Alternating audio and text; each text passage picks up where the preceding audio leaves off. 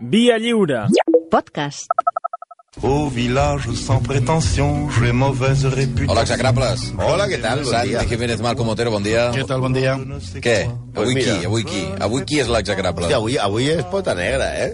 Sí? És, és un... Mira, he vist el nom al, gui al guió i he pensat com pot ser que després de quatre temporades o cinc o les que portem no l'haguessin fet encara? És veritat, no l'he- no l'hem pogut fer perquè som uns inútils, primer, i, i, i uns mandrosos, i perquè ara com anem a la- a l'actualitat, i com li han obert aquesta magnífica exposició a, Gauguin, que és d'aquí parlarem, Nosaltres sempre amb l'actualitat. amb l'actualitat, sí, sí. li han fet ara a la National Gallery i hem dit, ostres, doncs parlarem de Gauguin, perquè això és el que serveix perquè la gent ara, ara no et ve la gent, està fins al, està fins al gener, és una, la, la mega superexposició sobre Gauguin, Sí. que fan a la National Gallery de Londres, i la gent ara diu, no, ara jo vaig a Londres perquè vaig a veure l'exposició de Gauguin. No, no, a veure, tu vas a fer el paperina a Londres, que és sempre a veure si fas rebaixes i tonteries d'aquestes, i a Gauguin l'ensumaràs allò de, per sobre. Sí, agafaràs una entrada del terra per dir que hi és... Sí, no, però a més a més, sí, perquè estan a 24 lliures, eh, aviso. Epa. Eh, el... Com era Gauguin? Ara m'has de dir. Un, un desgraciat. Val. Un desgraciat. Sí, però a veure, a veure, a nivell d'història de l'art i com a pintor, òbviament és un, és un, un supercrac, no? A més a més, que compleix aquella norma de, de, de pintor maleït, que en vida no té massa èxit, i ara és, diríem que és el, el que ha batut els rècords de, de, de vendre més, més cares les seves obres, estan als seus millors museus i, i seria com el Dembélé de les pinacoteques, no? Vull dir, ara, un tio molt car, però que en vida no servia per res. Ja, ja. Vés a saber si algun dia resultarà que, Dem calla. que, que Dembélé serà collonut i serà com, com Gauguin, no? Eh, eh, ell també... Futbolista de culte, Dembélé. Serà, no? serà això. Però sobretot el tio, eh, parlarem, no parlarem d'art, primer perquè no en tenim ni idea, eh, però parlarem de la seva persona, que, i això sí que en sabem. Era, perquè ens féssim una idea, heu vist la pel·lícula aquella Estallido? Mhm. Que és aquella d'un mico que porta totes les miasmes i les espar esparceix per tot el món? Sí. pues aquest era, aquest era Gauguin. Gauguin era com el mico d'Estallida, era una màquina d'irrigar sífilis i Ai, plenorràgia. va, va, va, va. O sigui, era, era com, un, com un aspersor de la sífilis Va. per, per tot arreu, però en llocs on no hi existia la sífilis. I, i a més ho feia animal de, que és. de la pitjor manera possible. Era el delibero de la, de la Era, sífilis. era, de Deliveroo. però ho feia amb nenes de 13 i 14 Ai, anys. no, va, va, És això, va. el que es diu ser un pederasta fastigós. A més, l'adornaven altres qualitats com la de ser un gandul, un aprofitat, un mentider, un home sense cap principi moral i un execrable amb majúscules. Només un home així podia inspirar un altre execrable, com Van Gogh, que ja el pillarem un dia, la següent frase, que va dir... No pinta... Van Gogh va dir això sobre Gauguin, Sí. eh? Bé, Van Gogh era grupi de Gauguin. Ah, Eh, va dir, no pinta amb el pinzell, pinta amb el fal. Pels de l'ESO, el què? La, el. La polla. Noi, va, va, va. El, sí. Pintura El que surt de les entranyes, de la sang, com l'esperma surt del sexe. Va. I aquesta perla que avui parlarem es diu Eugène Henri Paul Gauguin, més conegut simplement com Paul Gauguin.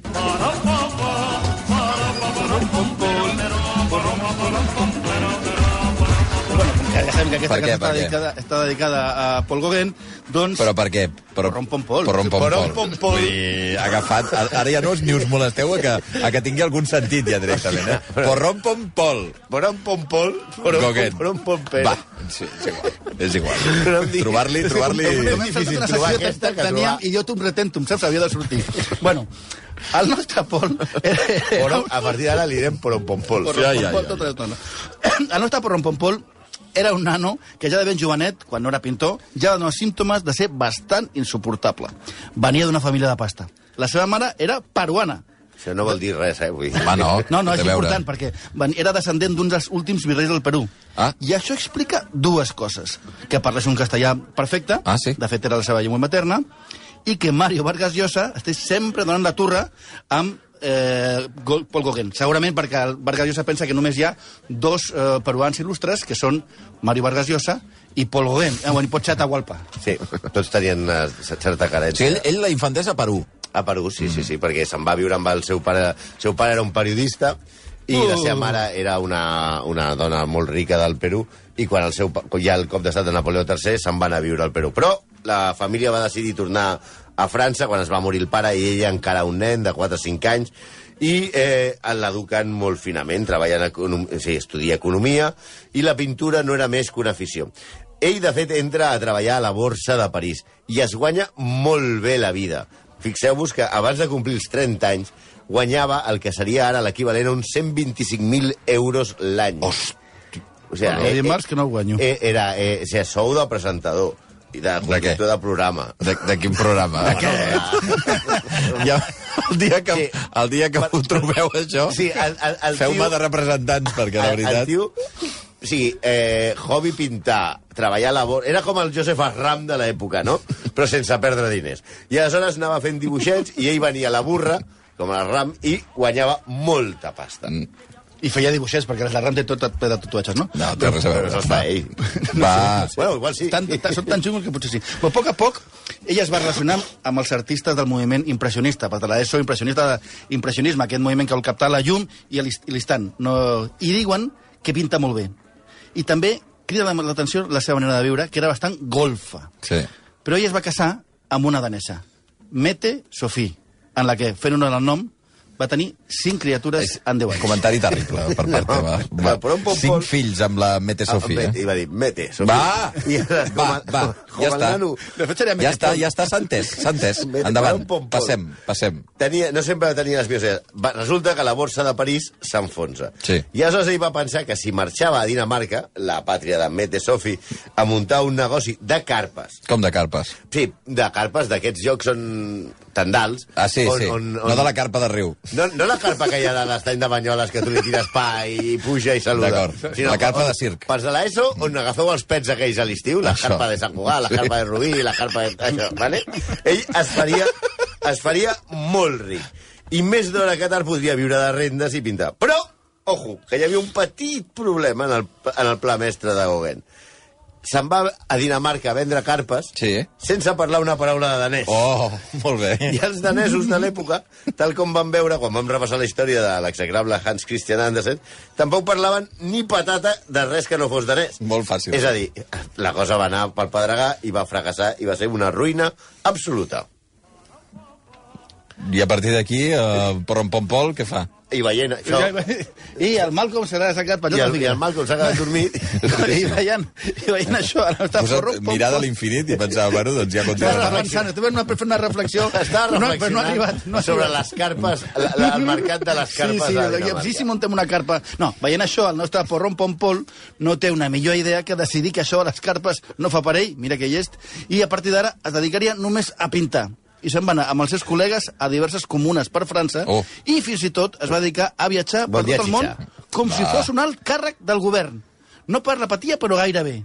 De la Mete i els, i els nens, ni si t'he vist no me acuerdo. Ah, sí? Els va deixar? Els va abandonar. Molt La seva dona mai va tornar a parlar amb ell, sinó una mitjançant d'advocats amb un intent que ingressés alguna cosa.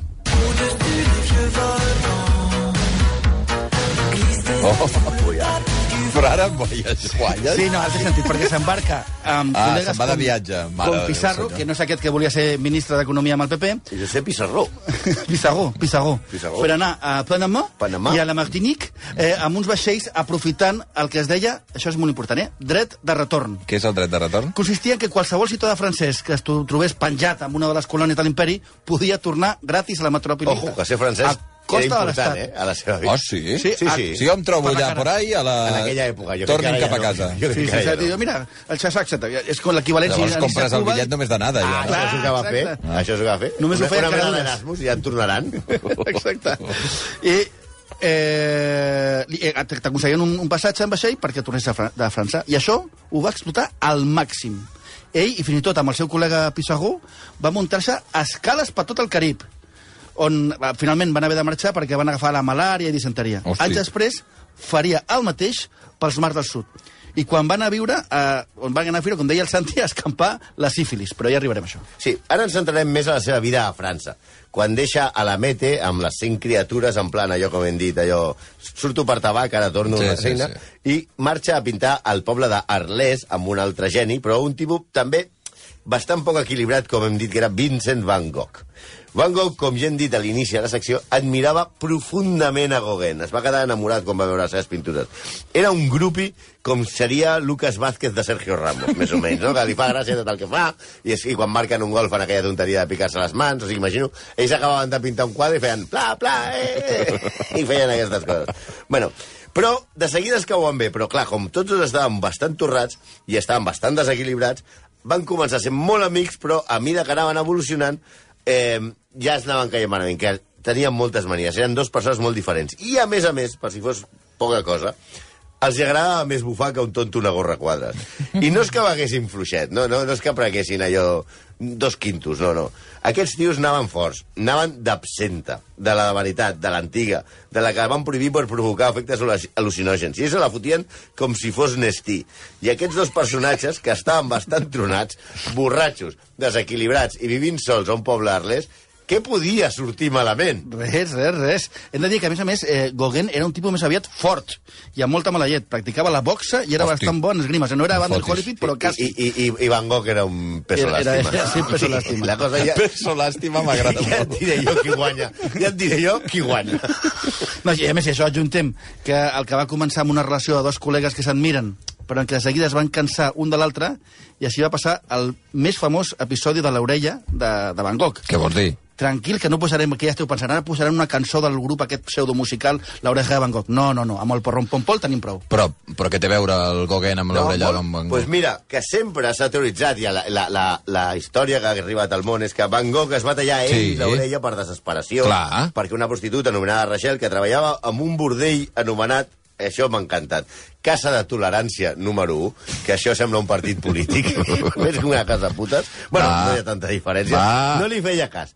Però, atenció, les últimes biografies de tots dos sombats, per separat i junts, conclueixen que va ser Gauguin el que li va No. tallar l'orella a Van Gogh No fotis. en el curs d'un intercanvi de punts de vista, diguem-ho així, abundantment regat amb absenta.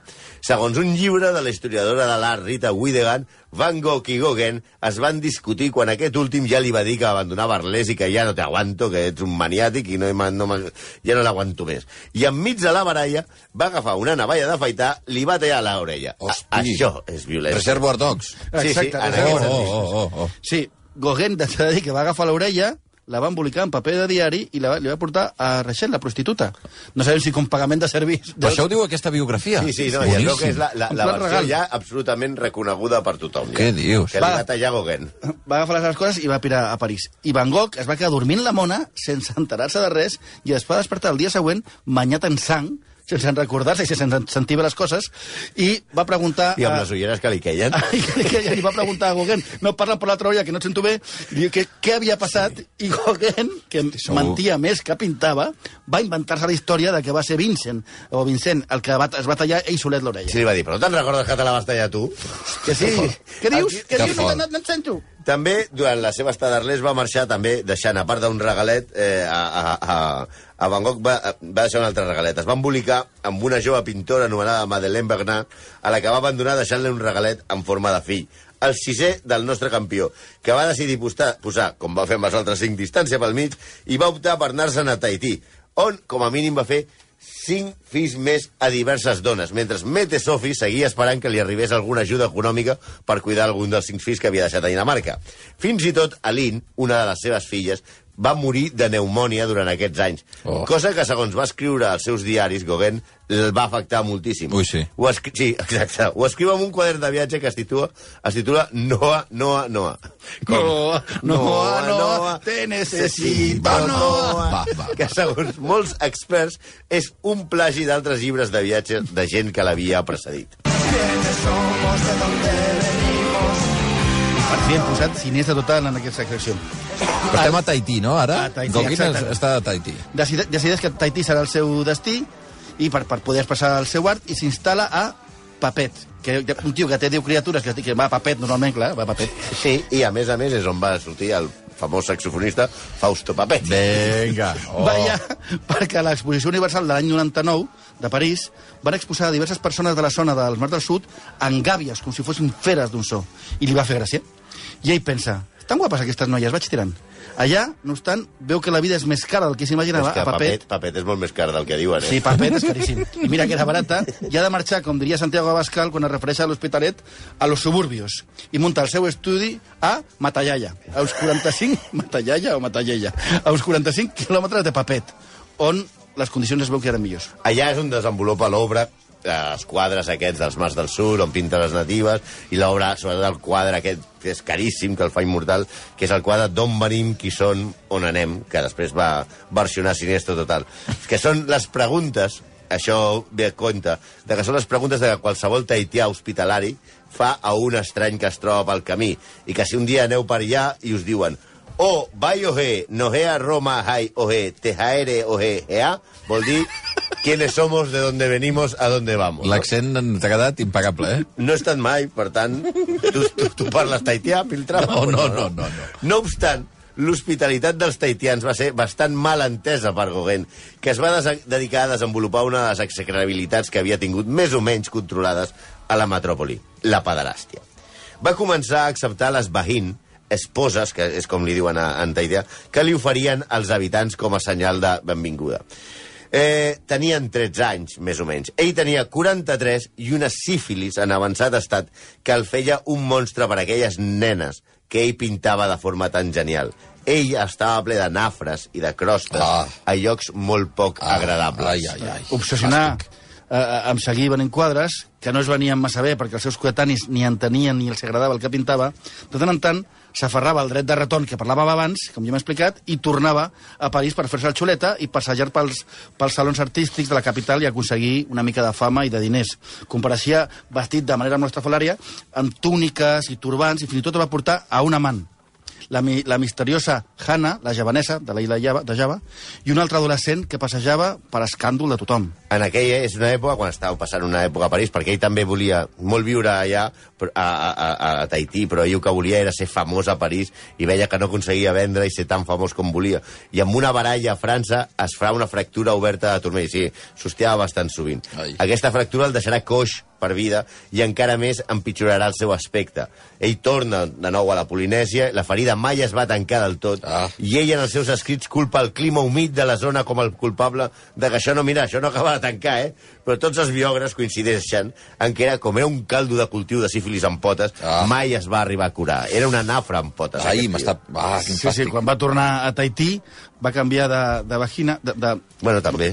no, però vull dir de vagine, de la que és... El, És la manera que et diuen els taitians de les esposes. Les, les, les esposes, esposes. sí. I va esposar-se amb la Paura, de 14 anys, en la que va tenir dos criatures.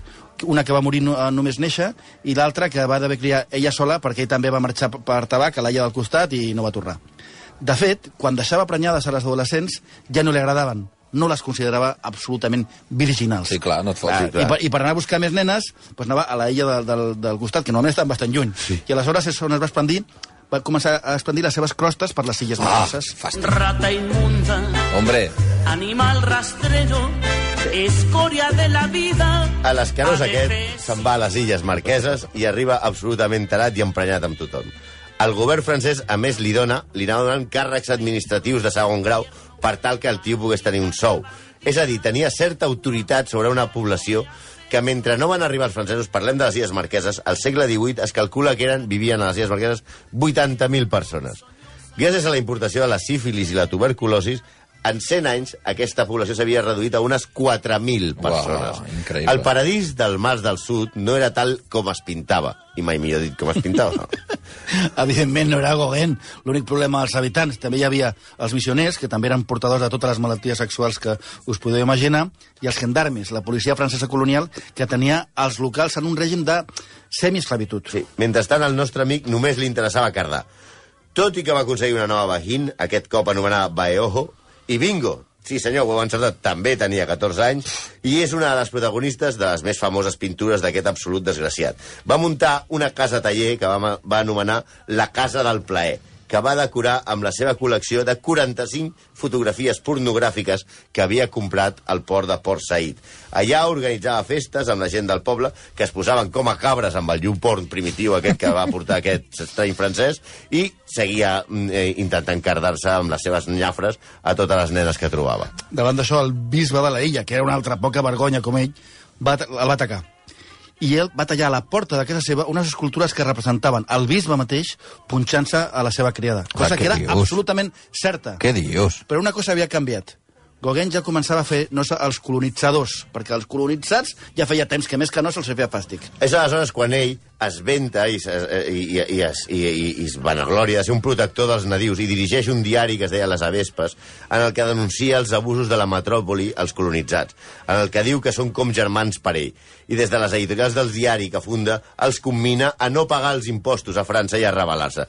Tot molt bonic si no fos perquè ho va fer degut als deutes que ell mateix tenia i que els sagnaven perquè no tenia un pau i estava absolutament arruïnat. No ho va fer a favor dels indígenes. Ho fa bé, ho va fer en favor propi, com tot a la seva vida.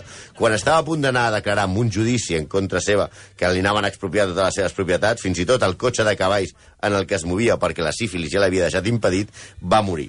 Feia temps que era un vell addicte a la morfina per poder suportar el dolor a la seva malaltia.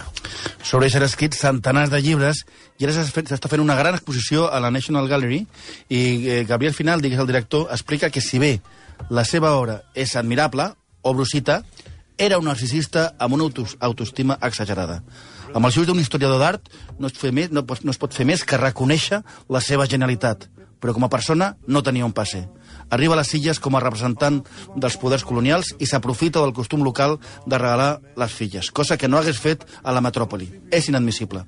Justificar aquesta acció en el context equival a justificar el turisme sexual en els nostres dies. Bé, Tan aquest, cosita. aquest senyor ho diu molt finament. Era un fill de puta. Un Vinga. tros de fill de puta. Uh, doncs per Rompompol Gauguin, Por Ron avui ha passat per el filtre dels execrables. 11 i 6 minuts, nois, moltíssimes gràcies. A vosaltres. Tout le monde viendra me voir pendu, sauf les aveugles, bien entendu.